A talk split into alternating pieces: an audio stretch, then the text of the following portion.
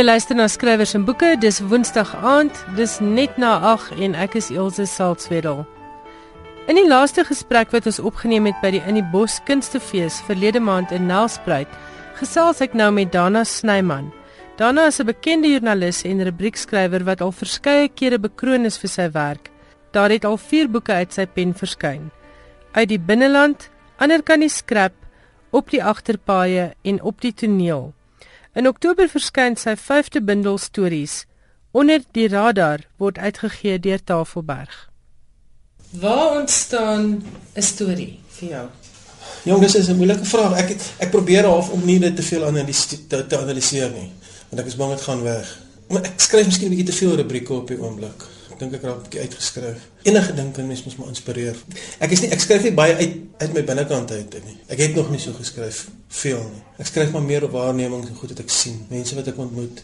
Ja, ek wil nou reeds weer op die pad gaan op 'n kol. Ek so ek sê ek dink ek, ek ek ek skryf bietjie te veel rubrieke en ek moet 'n bietjie nuwe nuwe ehm um, stof kry. Nuwe ervarings. Nuwe ervarings. Ja. Is dit mense wat jy ontmoet of laat ek dit anders vra, die mense oor wie jy in jou kortverhale en sketse skryf, is dit regte mense of is dit ja. party van hulle uitgedink?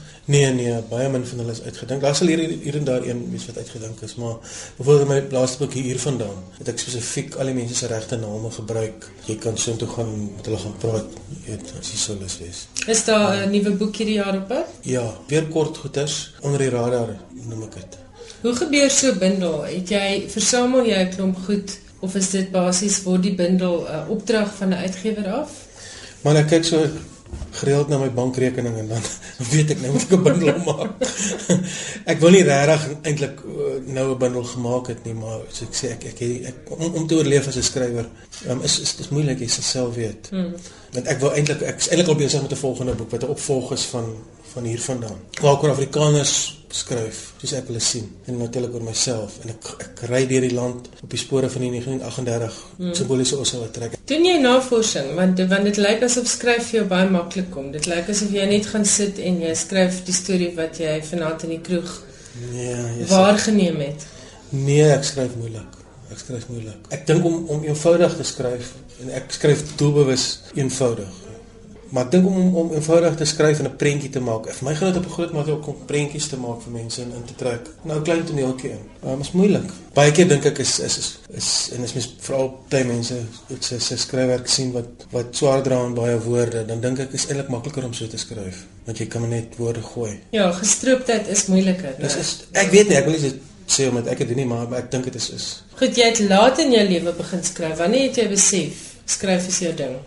Man, soms soms is ek nog seker nie, weet ek, is ek nie seker of dit jou ding is nie. Ek dink is meer rugby. nee, dit is my ek het ek het nooit daaroor gedroom om 'n skrywer te wees.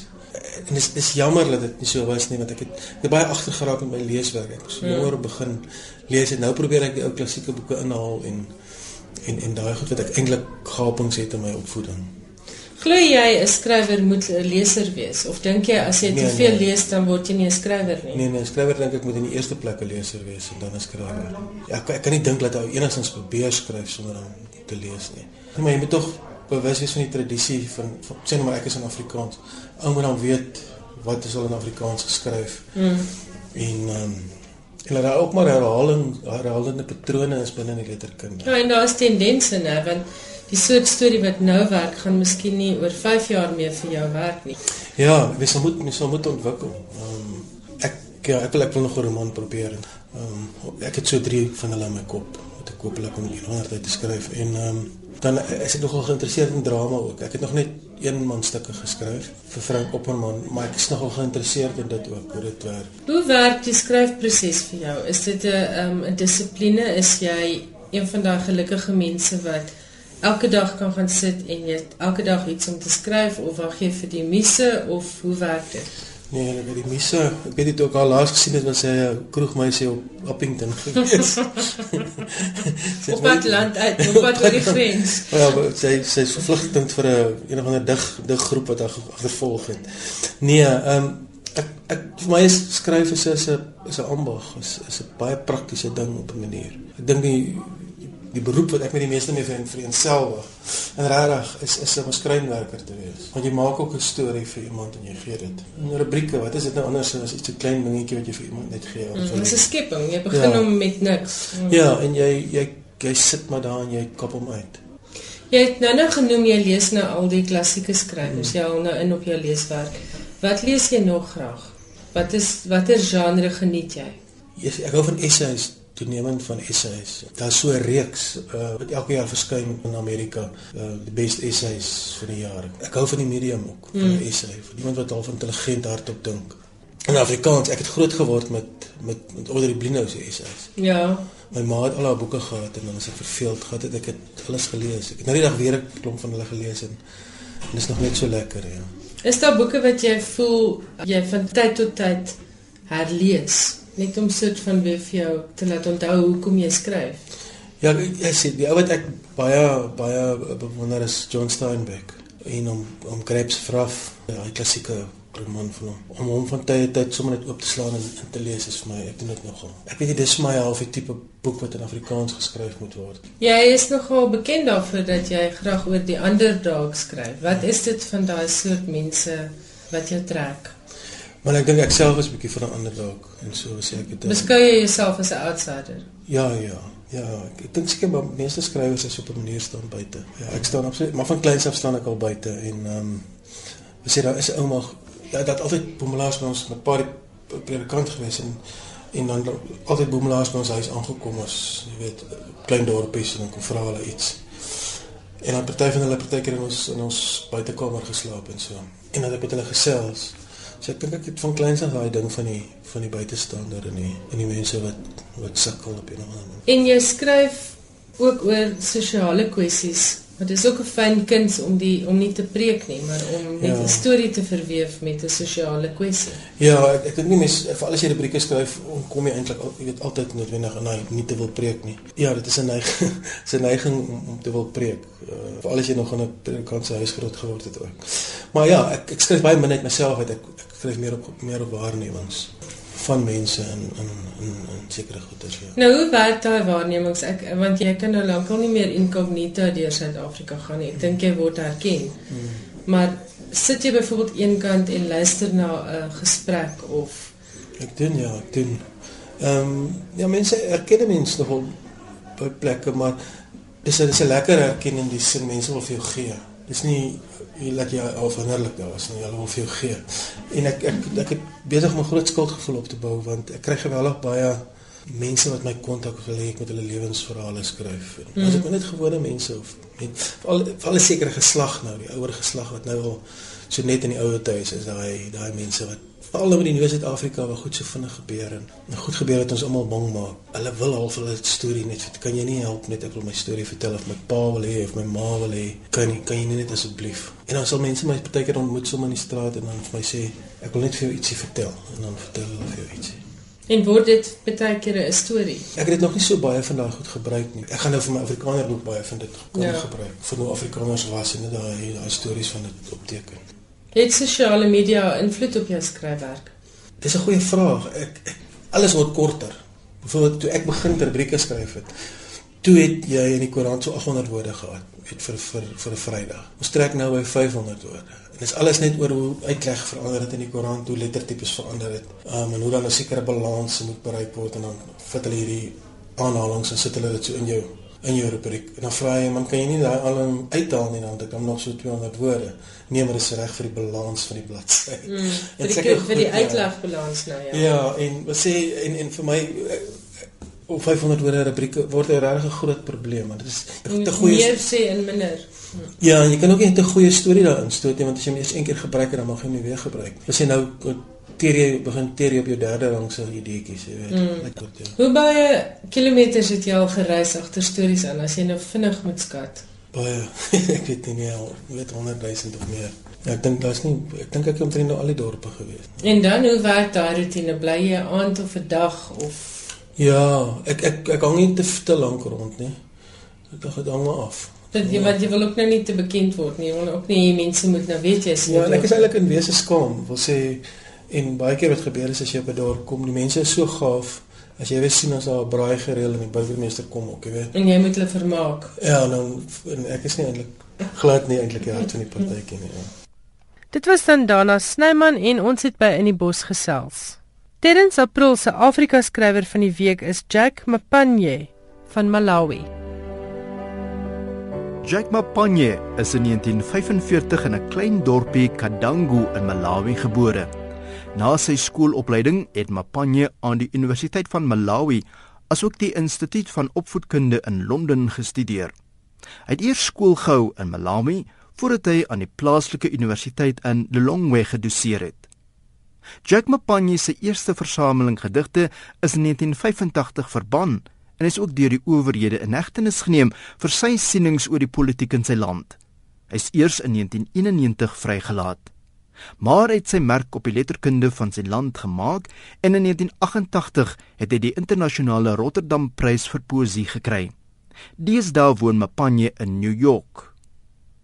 Jack Mapanye se eerste bundel gedigte het in 1981 verskyn. Die titels was Of Chameleons and Gods. Daarna Chattering Wagtails of Mukuyu Prison gevolg.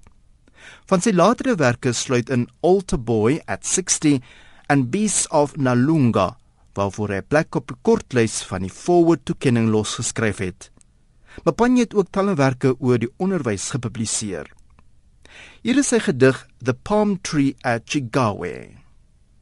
You stood like women in green, proud travelers in Panama hats and Java print. Your fruit milk caused monkeys and shepherds to scramble. Your dry leaves were banners for night fishermen but now stunted trees stand still, beheaded, a curious sight for the tourists. Dit was Jack Mapanye se The Palm Tree at Chigawe. Die kort huldeblyk aan een van ons skrywers uit Afrika is saamgestel met die hulp van Robin Malan se A to Z of African Writers en uitgegee deur Shooter. Baie dankie Terrens. Dis vir my altyd baie interessant om te hoor hoe mense werklik waar uit die kleinste gehuggies en dorpies gekom het en regtig wêreldberoemde skrywers geword het. Bettina Weingart se debuutroman Troos vir die gebrokenes is in 2010 met die Jan Rabie Rapportprys bekroon. Die boek het 'n sonderlinge insig gegee in die lewens van mense in 'n bruin platlandse gemeenskap, 'n lewe van armoede, alkoholisme, misdaad, mishandeling, werkloosheid en troosteloosheid wat die leser nog lank na die tyd bygebly het. Nou is Bettina terug met 'n nuwe roman, Vuilspel. Nie net is dit die eerste Afrikaanse roman met 'n bruin gay vrouespeler as hoofkarakter nie, maar ook die eerste Afrikaanse roman wat kyk na die belangrike kwessie van korrektiewe verkrachting, die amptelike benaming vir 'n seksuele aanval op 'n gay vrou wat geteken word weens haar seksuele oriëntasie. Madri Victor, manuskripontwikkelaar en voormalige uitgewer, skryf so in 'n artikel oor vuilspel. Bettina se simpatie en deernis met die randfiguur, die wat nie gehoor word nie en daaronder lê, figureer sterk in beide troos vir die gebrokenis en vuilspel. Sy skram nie weg van die kompleksiteit van die probleem nie en hanteer haar temas vanuit verskillende invalshoeke. In Vuilspel wys hy nie net vir die leser die gruwe wêreld van bende geweld en diskriminasie teen gay vroue nie, maar ook hoe min vertroue die gewone man op straat in die polisiestelsel het, hoe verlammend interne politiek dikwels is, hoe frustrasie weens te groot werkdruk tot misdaad binne die stelsel lei. Sy hanteer die impak van trauma op die vriende en familie van 'n slagoffer en die maniere waarop mense hierdie trauma verwerk met groot sensitiwiteit en sy betrek baie subtiel ook die kerk se siening van lesbiese vroue en die geweld teen hulle deur Nicolas se vriendin Sally wat 'n priester is. Volgens Madri is dit ook 'n belangrike boek in Afrikaans weens die tematiek en die hoofkarakter. Ek gesels nou telefonies met Bettina Alipad uit die Oeverberg. Bettina, vertel gou vir ons 'n bietjie van jou skryf agtergrond. Jy het die Jan Rabie prys gekry vir Troos vir die gebrokenes, maar eintlik het jy 'n LLB. Jy is nie 'n joernalis of 'n skrywer van nering nie. Nee, Ilse, um, met trus vir die gebrokenes is die eerste keer dat ek hoegenaamd skryfwerk ingepak het. Ek het geen opleiding daarin nie. Dit is net iets wat vir my 'n liefde is en en ek het begin skryf toe ek troos geskryf het. So, ek het geen opleiding daarvoor nie. En en jy is 'n prokureur. Ek is 'n prokureur van beroep, maar op die oomblik skryf ek voltyds. Vertel vir my van Vuilspel. Min of meer die storie in 'n nette dop sonder om enigiets weg te gee vir luisteraars. Ehm um, weet jy Vuilspel is 'n misdaadroman en dis die tweede boek wat ek geskryf het. Die ehm um, hooftema van die verhaal is korrektiewe verkrachting. En ek weet baie keer as ek praat van korrektiewe verkrachting dan sê mense wat is dit? Ek het nog nooit gehoor daarvan nie. En korrektiewe verkrachting is die verkrachting van gay vroue spesifiek omdat hulle gay is in 'n poging om hulle te probeer heteroseksueel maak. En jy weet dit is 'n kontroversiële onderwerp dink ek, maar dis iets wat ek gevoel het belangrik is om oor te praat. Hoekom het jy besluit om dit in hierdie genre te doen? Hoekom in 'n misdaadroman vorm? Omdat dit so kontroversieel is, ehm um, die tema het ek gedink dat om dit in die vorm van misdaad te doen is meer ehm um, ek wil nie die woord entertaining gebruik nie, maar dit laat mense toe om die tema te benader op 'n ander manier op 'n jy weet dat jy on, op mense onder mense se vel kan inkruip sonder om te kontroversieel te wees. Ja, en hulle kan half deel raak van die storie, né? Presies. En hoe hoe het jou navorsing gewerk? Ek het die eerste keer toe ek van korrektiewe verkrachting gehoor het was in 'n nuusberig en toe daarna 'n TV-program. Ek het te begin oplees oor korrektiewe verkrachting en aan die einde het ek gepraat met 'n klompie swart gay vroue, nie noodwendig almal verkrag nie, maar wat almal met die ehm um, vrees van verkrachting lewe. En ek het 'n onderhoud met hulle gevoer en van daar af verder gegaan. En daar is 'n redelike stigma hier aan verbonde in die swart kulture, né? Absoluut, ek dink in die eerste plek is daar 'n stigma rondom homoseksualiteit as sulks. Ja, dis wat ek bedoel. En en dan ehm um, jy weet eh, daar's hierdie idee en dit word deur persone in politiek verder wil ek amper sê uitge, uitgebrei en bevorder dat homoseksualiteit nie is nie deel van die swart kultuur is nie. En dis natuurlik absoluut sneer, maar jy weet dis dis wat mense glo, so daar's hierdie idee van ons praat nie hieroor nie. Baie van die van die vroue met wie ek gepraat het is deur hulle familie misken. So weet daar's 'n absolute stigma daaroor. Waarskynlik was dit vir jou 'n moeilike onderwerp om oor deelnemers te kry, né? Of het mense maklik met jou gepraat?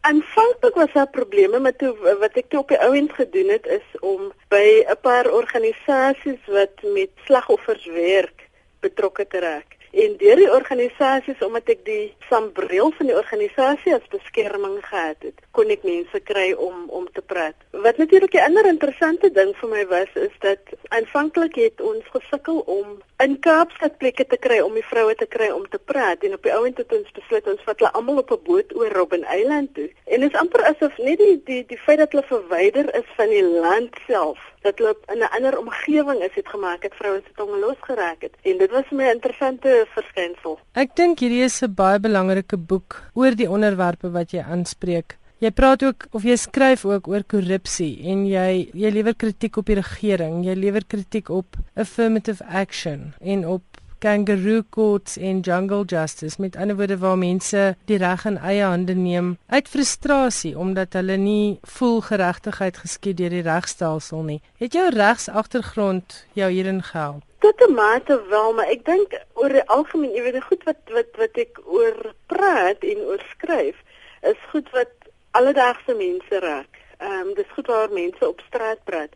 So in terme van hoe ek my argumente uitgewerk het, dink ek het die regsagtergrond gehelp, maar in terme van die die um onderwerpe wat ek aangeraak het. Ek dink dis goed wat elke persoon wat jy op straat gaan kry oor kan praat en sal praat as hulle die kans kry. Kom ons gaan terug na Troos vir Gebrokenes. Vertel ons 'n bietjie meer van die boek. Dit is ook baie hoog aangeskryf deur kritici. Ek sien Anastasia de Vries het geskryf: "Dis vlees en bloed mense wat jou laat voel jy ken hulle en in tonele wat jou ruk, soms jou hart laat tuimel en elke nou en dan die lag in jou laat opborrel." Hoekom het jy ja. dit geskryf en vir wie het jy dit geskryf? Troos vir gebrokenes het gegaan oor die gemeenskap in my tuisdorp. Ek het in die appelwêreld groot geword en wat ek probeer doen het was twee goed. Een om oor die fabriekwerkers in appelfabrieke te praat en tweedens natuurlik soos wat ek altyd probeer doen om 'n sosiale kwessie in te spreek en in daai geval was dit gesinsgeweld. En wat ek net wou doen was om die verhaal van die mense rondom my te vertel. Met ander woorde om vir hulle stemme te gee. Presies, dis reg. En en waaraan werk jy nou? Ek is besig met my volgende boek en uh, daai ene gaan oor ehm um, mensehandel, sogenaamde witslawerny. En dis vir my 'n uh, onderwerp wat ek dink ook al hoe meer belangrik raak want vir die eerste keer hierdie jaar het ons land nou wette rondom human trafficking soos dit in Engels genoem word ingestel. En ek vermoed dat binne die volgende jaar of twee gaan ons begin om sake in die howe te kry daaroor. So, jy weet, dis iets wat belangrik is en dis iets wat weer eens waaroor ons in Suid-Afrika nie genoeg praat nie. Dis een van daai goed wat wat so onder die kombers verskuil is niemand weet nie. Ehm um, die statistieke sê dat jaarliks tussen 800 000 en 'n miljoen jaar mense getraffiek word oor die wêreld, nie noodwendig net in Suid-Afrika nie. Maar ons vermoed soos met verkrachting, soos met ander goed, dat dit onderrapporteer word en dat dit selfs meer kan wees. So gesels Bettina Weingart oor haar boek Vuilspel. Dit word uitgegee deur Umotsi. Johan Meiberg het weer lekker nuus oor die internasionale boekewêreld, onder meer oor die voorblad van die splinternuwe Bondboek. En as jy al ooit gewonder het of sjokolade enigiets met jou leeslys te doen het, dan moet jy hoor wat Johan te sê het. Johan, waar gesels ons vanaand? Wel, daar's uh, om mee te begin is daar 3 ehm um, brokkies wat ek het oor verbeelding of die rol wat persepsie by lesers of by mense wat in die boekwêreld betrokke is, ehm um, watter rol dit speel. Onthou jy byvoorbeeld ehm um, wat was dit 89 het Laura Esquivel se debuut um, Like Water for Chocolate uitgekom. Ja, ek onthou en dit was 'n fantastiese boek. Mense praat nou nog daaroor. Dis ook uh, dit het ook toe 'n fliek geword. Ja. Uh, het jy die het jy dit te sien gehad? Ek het die fliek gesien. Nou, Esquivel gebruik die uitdrukking Like Water for Chocolate in sy meerduidigheid verwysende na water wat warm genoeg is om sjokolade mee te maak maar dit verwys ook na kookwater emosies aan die een kant woede en aan die ander kant passie. Of navorsers aan die Belgiese Universiteit in Antwerpen Esquivel in gedagte gehad het in hulle navorsing, dit weet mens nie, maar waarop hulle afgekom het is dat sjokoladegeur in boekwinkels met kopers se koppe smokkel. Presies hoe die navorsing gedoen is, dit meld die Britse dagblad The Guardian nie. Wat hulle wel sê is dat die navorsing oor 10 dae gedoen is in 'n boekwinkel in die stad Antwerpen en dat 200 mense by die navorsing betrek is. Hulle navorsing dui daarop dat die sjokoladegeur mense in boekwinkels laat talm, laat rondkyk en bovenal laat vergeet presies waarom hulle in die eerste plek na die boekwinkel gegaan het. Met die swaar geur van sjokolade in die lug het besoekers hulle weggevind na die rakke met romantiese literatuur en ook kookboeke. Die ander gevolgtrekking wat uit die navorsing blyk, is dat mense in die boekwinkel met sjokolade op die brein hulle nie gesteer het aan sakeboeke, misdaad of reis nie. Dit maak vir my perfek sin. 'n Lekker aand met 'n boek is net beter as daar iets soos lint sjokolade ook op die spyskaart is, né? Nee. Ja, dit so. En daar is 'n nuwe James Bond boek uit. James Bond, ja, um William Boyd het vroeër vanjaar op die Londense boekeskou aangekondig dat sy nuwe 007 boek Solo gaan heet. Die verhaal wat afspeel in 1969 is die van James Bond wat sy eie koers inslaan, onaangekondig en sonder magtiging. Die boek het pas verskyn en wat onmiddellik opval is die stofomslag. Die is vol koelgate wat flitse rooi op die binneblad laat blyk. Die tradisionele swart-goud-rooi-wit kombinasie, mense al begin wonder of dit die kleure van wetenskap fiksie is, is steeds daar. Die ontwerper van die boek, Random House se Susan Dean, was ook verantwoordelik vir Ian McEwan se Atonement en Mark Haddon se The Curious Incident of the Dark in the Night Time. 'n Nuwe bandomslag moet soveel goed te gelyk doen, sê sy. Dit moet voldoen aan die behoeftes van 'n literêre en 'n kommersiële mark, aanhangers van die oorspronklike 14 Fleming boeke, asook rolprentgeesdriftiges. Bovenal moet dit die leser se verbeelding kan aangryp. Ja, mens kan nou net wonder hoe die boek gaan verkoop, né? Want ek neem aan hy het 'n gevestigde mark. Daar is reeds mense wat net daarvoor wag dat hy op die rakke verskyn. En dan het jy iets oor 'n vreeslike rampspoedige TV-onderhoud. Reza Aslan. Hy is die Amerikaner wat 'n boek geskryf het oor Jesus en hoewel die boek interessant mag wees, weet die meeste mense van die boek nie oor die inhoud nie, maar juis soos jy gesê het vanweë die rampspoedige onderhoud wat Aslan op Fox TV gehad het. Die video van die onderhoud het wyd gereik op YouTube en die ganse wêreld aan die praat gehad. Die einde van journalistiek is dit onder meer genoem. Die aanbieder, ene Laura Green, het duidelik nie die boek gelees alvorens sy met Aslan, die kenner van die tyd en omstandighede van Jesus, 'n gesprek aangeknoop het nie. Vir 10 minute lank het sy eie handig eier aan haar eie gesig gespat na haar openingsvraag: "Jy's 'n moslim, waarom het jy 'n boek geskryf oor die stigter van die Christendom?" Van daar af tol die onderhoud topswaar en die kykers sit magteloos na die skerm en staar. Maar na die onderhoud moes Random House inderhaas nog 50000 eksemplare van Zealot The Life and Times of Jesus of Nazareth druk. Die oplag staan tot dusver op 150000. Aan die New York Times het Aslan na die onderhoud gesê: "Laat ek nou maar eerlik wees. Ek is verras deur mense se reaksie na die onderhoud.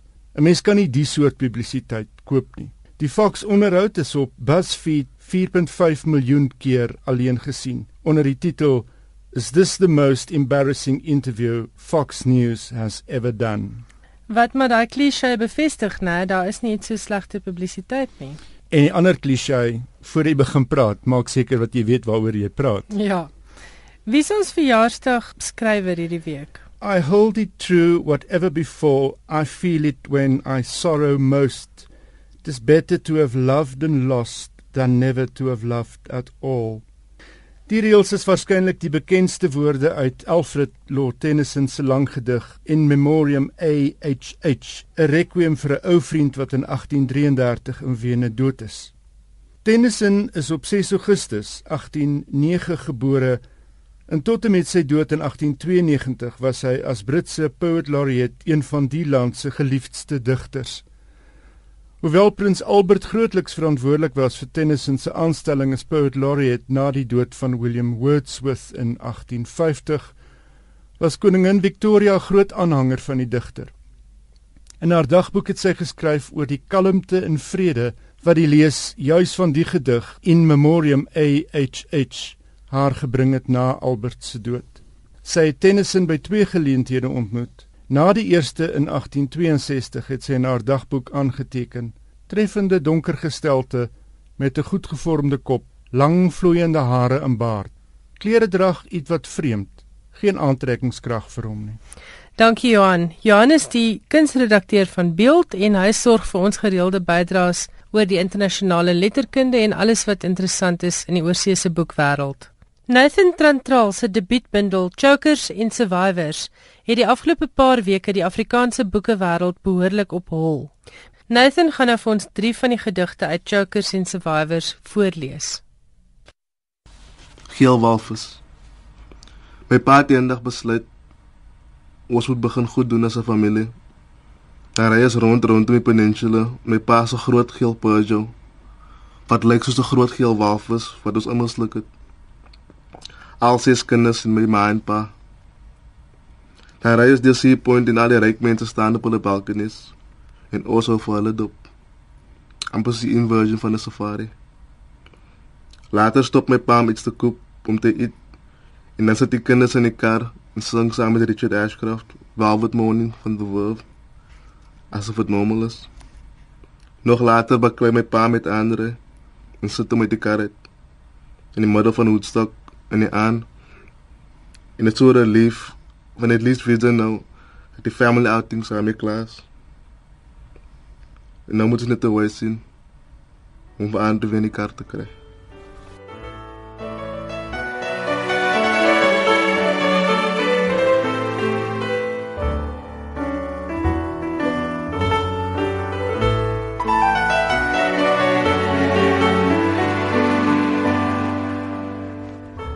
Ronaldo. Pull off your jeans and you spill Jack and Coke in my collar. I melt like a witch and scream. I'm so sorry for everything. The National, baby will be fine. Ons sit alleen op die bankie. My broer is gou weg, maar nie vir lank nie. Ons het al dag gesit en praat, maar ons het nie eeuwig gepraat nie. En ek het nie eeuwig gedink nie. Ons het net te gedraai rondom mekaar. Maar ek het dit so bedoel. En ek het dit veel so gesien.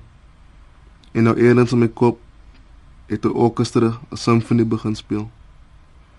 Daar's 'n elektriese karent rondom ons en dit trek ons na mekaar toe.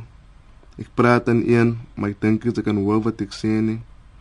Want ze sit net en smile en bewe binne toe. en ek weet wat ek vir jou wil sê. Wat ek wil sê is moenie beweeg nie en moenie praat nie. Want as jy nou beweeg en as jy nou jou mond oopmaak, gaan die hele wêreld mekaar uitval.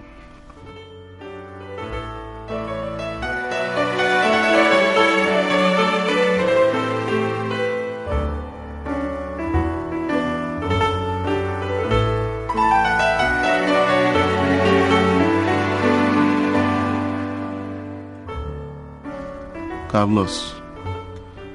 Sometimes het my pa without warning by oors in die kamer gesit. En my pa is die type van persoon aan wie ek 'n warning need voor by my gesit. Van as ek met hom praat, lees ek van 'n skrip af. Ek het vyf topics wat net vir hom. Robert Ludlum, Jason Bourne, Carlos the Jackal, die Veer en die Mafia. Ons spend so 15 minute op elke topic, give or take. En daarna so 'n solid uur of so Dan begin ek praat met ander en pretend as my pa in die kamer is. Maar vlei het hy begin inpop en hy bring 'n nuwe topics op. Hy vertel ons van toe hy jonk was, wat weird is. Maar dan realiseer ek weer dit niks aan hom weet nie. En hoe meer vertel, hoe meer grateful is ek. Ek weet nie. Dit was dan Nathan Trantral wat vir ons drie gedigte voorgeles het uit sy bundel Chokers and Survivors. Die boek word uitgegee deur Kwela en kos R175. Gerrit Rautenbach is 'n bekende naam in reisjournalistiek. Hy was onder meer die redakteur van die reistydskrif Mooi Loop. Gerrit gesels nou oor sy splinternuwe bundel Reisverhale Hartepad. Dis 24 heerlike verhale wat jou neem na plekke so uiteenlopend soos Pofadder, Mosambiek en Bangkok. Vertel vir my waar kom Hartepad vandaan? Hartepad is die tweede bundel wat ek geskryf het. Dit het begin, die eerste een was Kopreis. En uh, nou het iemand vir my gesê as ek met Kopreis begin het en ek gaan aan Hartepad, is die derde een seker voetnote. Solank dit nie nooit vir nooit is nie, né? Nee, nie heeltemal nie, ek sal my nie daar waag nie. Ja, ek is 'n ek is 'n ehm um, baie lief vir reis. Ek reis baie jare lank al ehm um, vir werk of vir plesier. En uh ek het stories ontdek. Ek het dis interessant ehm um, veral met hartepad. Kopreis was baie naby aan aan die aan die tyd wat ek redakteur was van Mooiloop die die reistydskrif. Ehm um, so baie van die stories het oorvleuel daar. Maar met hartepad het ek ontdek daar is stories wat goed wat met my gebeur het jare gelede wat ek onthou het. En dan dan ontdek ek die die emosie, die hart van daai storie van daai gebeurtenis en van daai plek waar ek was en dan dan kom die storie uit. Die verskil basies tussen die twee is Kopreis was was soort van eerder as ek skryf nie fisiese reisstories van en toe was ek daar en dit kos soveel ja. en jy moet hier jou koördinate en jy die volgende toerusting nodig nie. Ehm um, Hierdie is binnereise, né? Ja, kopreis is is meer 'n intellektuele kyk na die rede rondom reis en en wat met jou gebeur. En baie keer sê ek kopreis kan kan 'n uh, heeltemal 'n nie fisiese ding wees wat gebeur, maar 'n groot reis wees. Iets wat jy verplaas jouself van A na B in jou kop hmm. as gevolg van blootstelling aan iets anders. Ehm um, en dit is ook 'n reis. Maar met hartepad het ek 'n stapie verder gegaan. Dit is nie net 'n intellektuele denke reis nie, dit gaan ook oor die hart. Dit gaan letterlik, dis bietjie meer emosioneel. En dit is half vir my ek wil dit nie sê nie, mens moet wil jouself nie jinx nie, maar ek sê dit half vir my ek weet nie of ek nog 'n reisbundel van weet van 'n van 'n versameling stories sal skryf nie. Hartepad was vir my soort van 'n voltooiing van ehm um, daardie manier van van van praat oor reis. Ek sal in die, in die toekoms gaan ek uh, meer uh, kyk na romans oor reis en so aan. Want ek eindig ook Hartepad, die laaste storie in Hartepad is tuiskoms, want ek ek het gevoel ek het 'n bietjie opgehou swerf.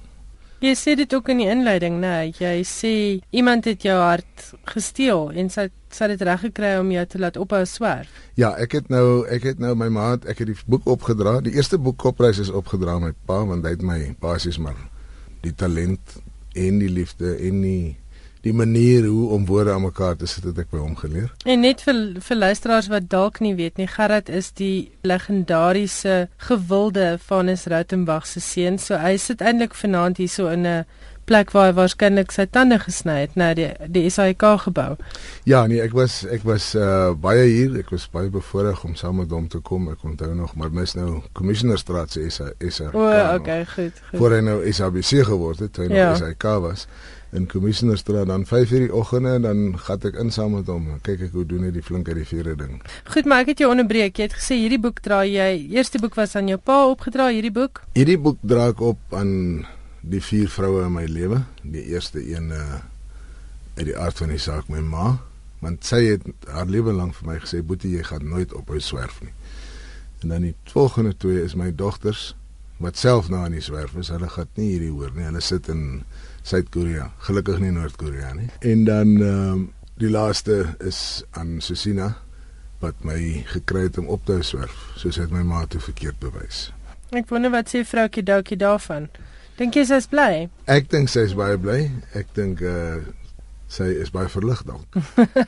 ja, ek sal nie ophou reis nie, maar ek meen ek het vir 'n tyd lank het ek, jy weet, ja, maar ek het geswerf, jy weet wat jy nou nie, Mm. het, dit, jy weet nie waar jy môre gaan wees nie, en jy wil ook nie weet. Mm. Dit is die dit is vir my die die optimum vorm van reis is as jy swerf, as jy is dit wie sit wat gesê het, uh, ek dink is Paul Verhoeven, ek haal hom altyd aan. Tourists know where they're going, travelers don't know where they've been. Waartoe het hierdie boek jou oral geneem? Ek het in hierdie boek kyk 'n groot groot deel van van my uh, reis voorliefde of die reisland wat ek die meeste geniet is maar ons eie kontinent Afrika. So ek het baie ver in Afrika gereis in hom maar ook die Midde-Ooste. Ek het 'n jaar in Saudi-Arabië gebly. Ek was daar toe die torings nog geval het. So dit was 'n wonderlike ervaring. Is 'n bietjie soos die weermag wat hulle sê is die beste beste tyd van jou lewe wat jy nooit weer oor wil hê nie. Ek Ja. ook so, ja. Die Midde, wel nie die Midde-Ooste spesifiek die Maria was Mm. nogal dit was dit was nogal baie interessant, maar dit was kwai. Dan is dit ook uh die Verre Ooste toe, Bangkok toe en uh 'n bietjie Europa, daar's Italië hier in uit uit uit wyd getrek, maar dan ook sommer hier rond hier by ons want baie van my reise is is kort goetertjies, is is ervarings. Ja, Pofadder, jy skryf oor Pofadder. Dit was vir my 'n vreeslike lekker storie. Ja, ek ek ek dink dit is jy weet Pofadder is een van daai plekke wat wat almal na toe moet gaan. Moenie vra hoekom nie gaan na Pofadder toe gaan kyk. Daar gebeur altyd iets in Pofadder. En uh moenie dink moenie dink dis 'n klein plekkie nie. Dis Ja, en jy vergelyk dit met die met Timbuktu wat so half 'n mitiese 'n metafoor geword het. absoluut op Zanzibar. Ons Jy weet nie eintlik een waar dit is nie, maar jy het toe nou daai afdraaipad gevat en 'n vreeslike vrolike belewenis daar gehad. Ja, jy ontdek die mense as jy jy weet as jy as jy moeite doen om om te gaan kyk wat daar aangaan en jy jouself blootstel aan hulle. Maar die ding is jy moet observeer. Iemand vra vir my wat is hoekom is dit so belangrik dat daar reisskrywers is? Hoekom het dit so uh, baie definitiewe genre geword?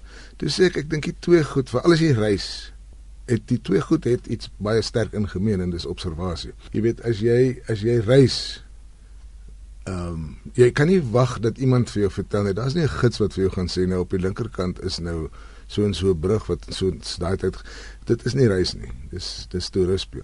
As jy reis, dan moet jy gaan stil sit en jy moet dophou. Jy moet kyk wat gaan aan. Ons het nou byvoorbeeld toe ons nou afgekom het, het ons in in Palapay in Botswana het ons in 'n plek Itumela gebly. Nou, as ek vir iemand moet vertel wat is reis, dan is die ervaring wat jy daar, dit is dit is 'n lodge vir backpackers vir uh overlanders vir reisigers is 'n reisland. Ja. En 'n tipiese ene wat jy wat jy baie van kry. Maar nou moet jy die eienaar van die lodge is 'n so unieke karakter en hy's so hy's so anders as as enige iets anders wat wat wat jy of wat jy sou verwag in so 'n plek. Hierdie ou is 'n absolute crossdresser.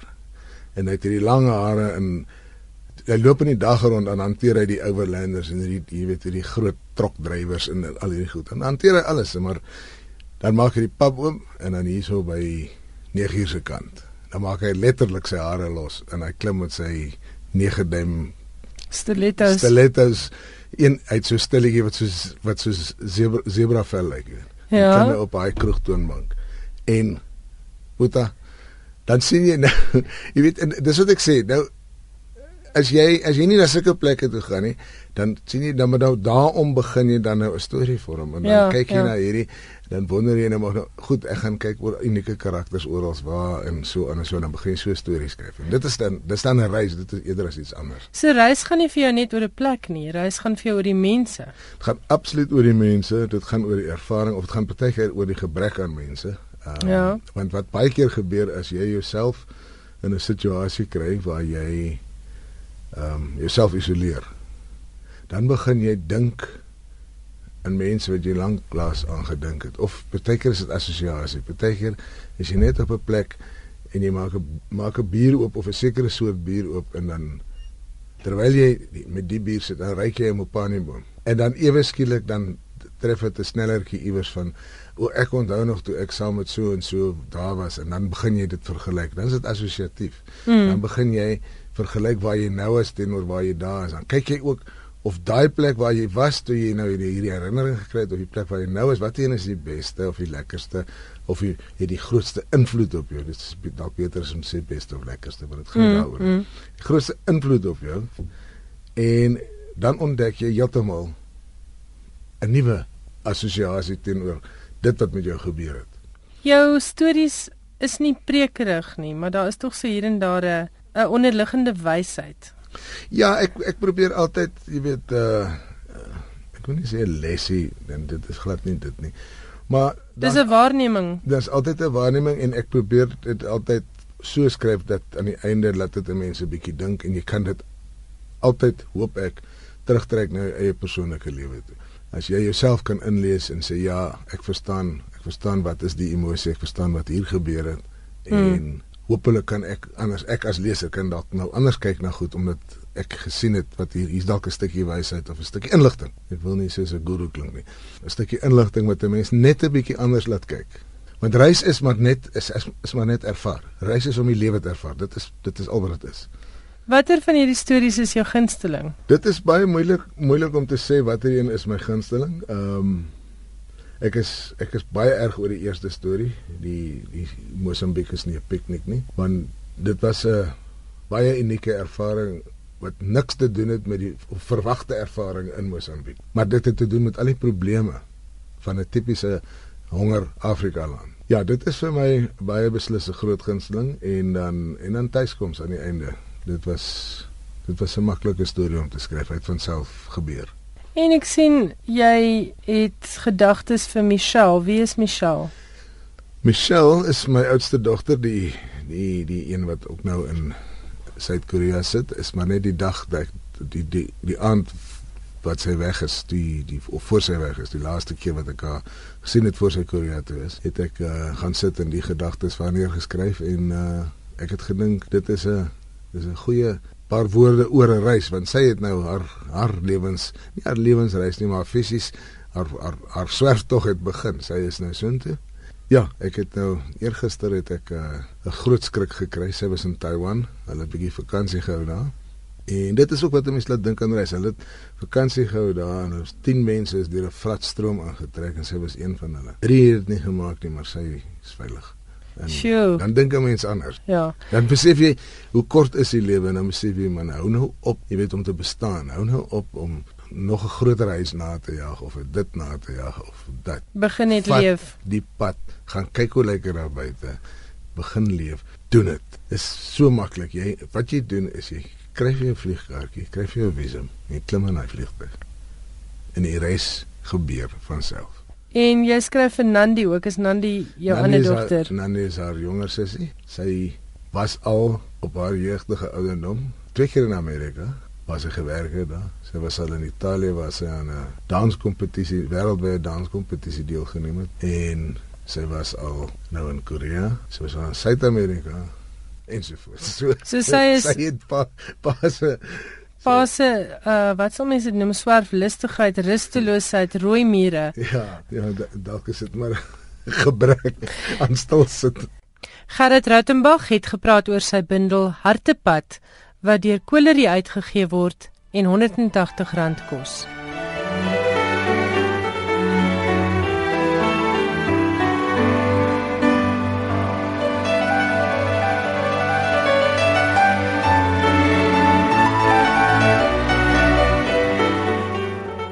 Was dan ons skrywers en boeke van dese week.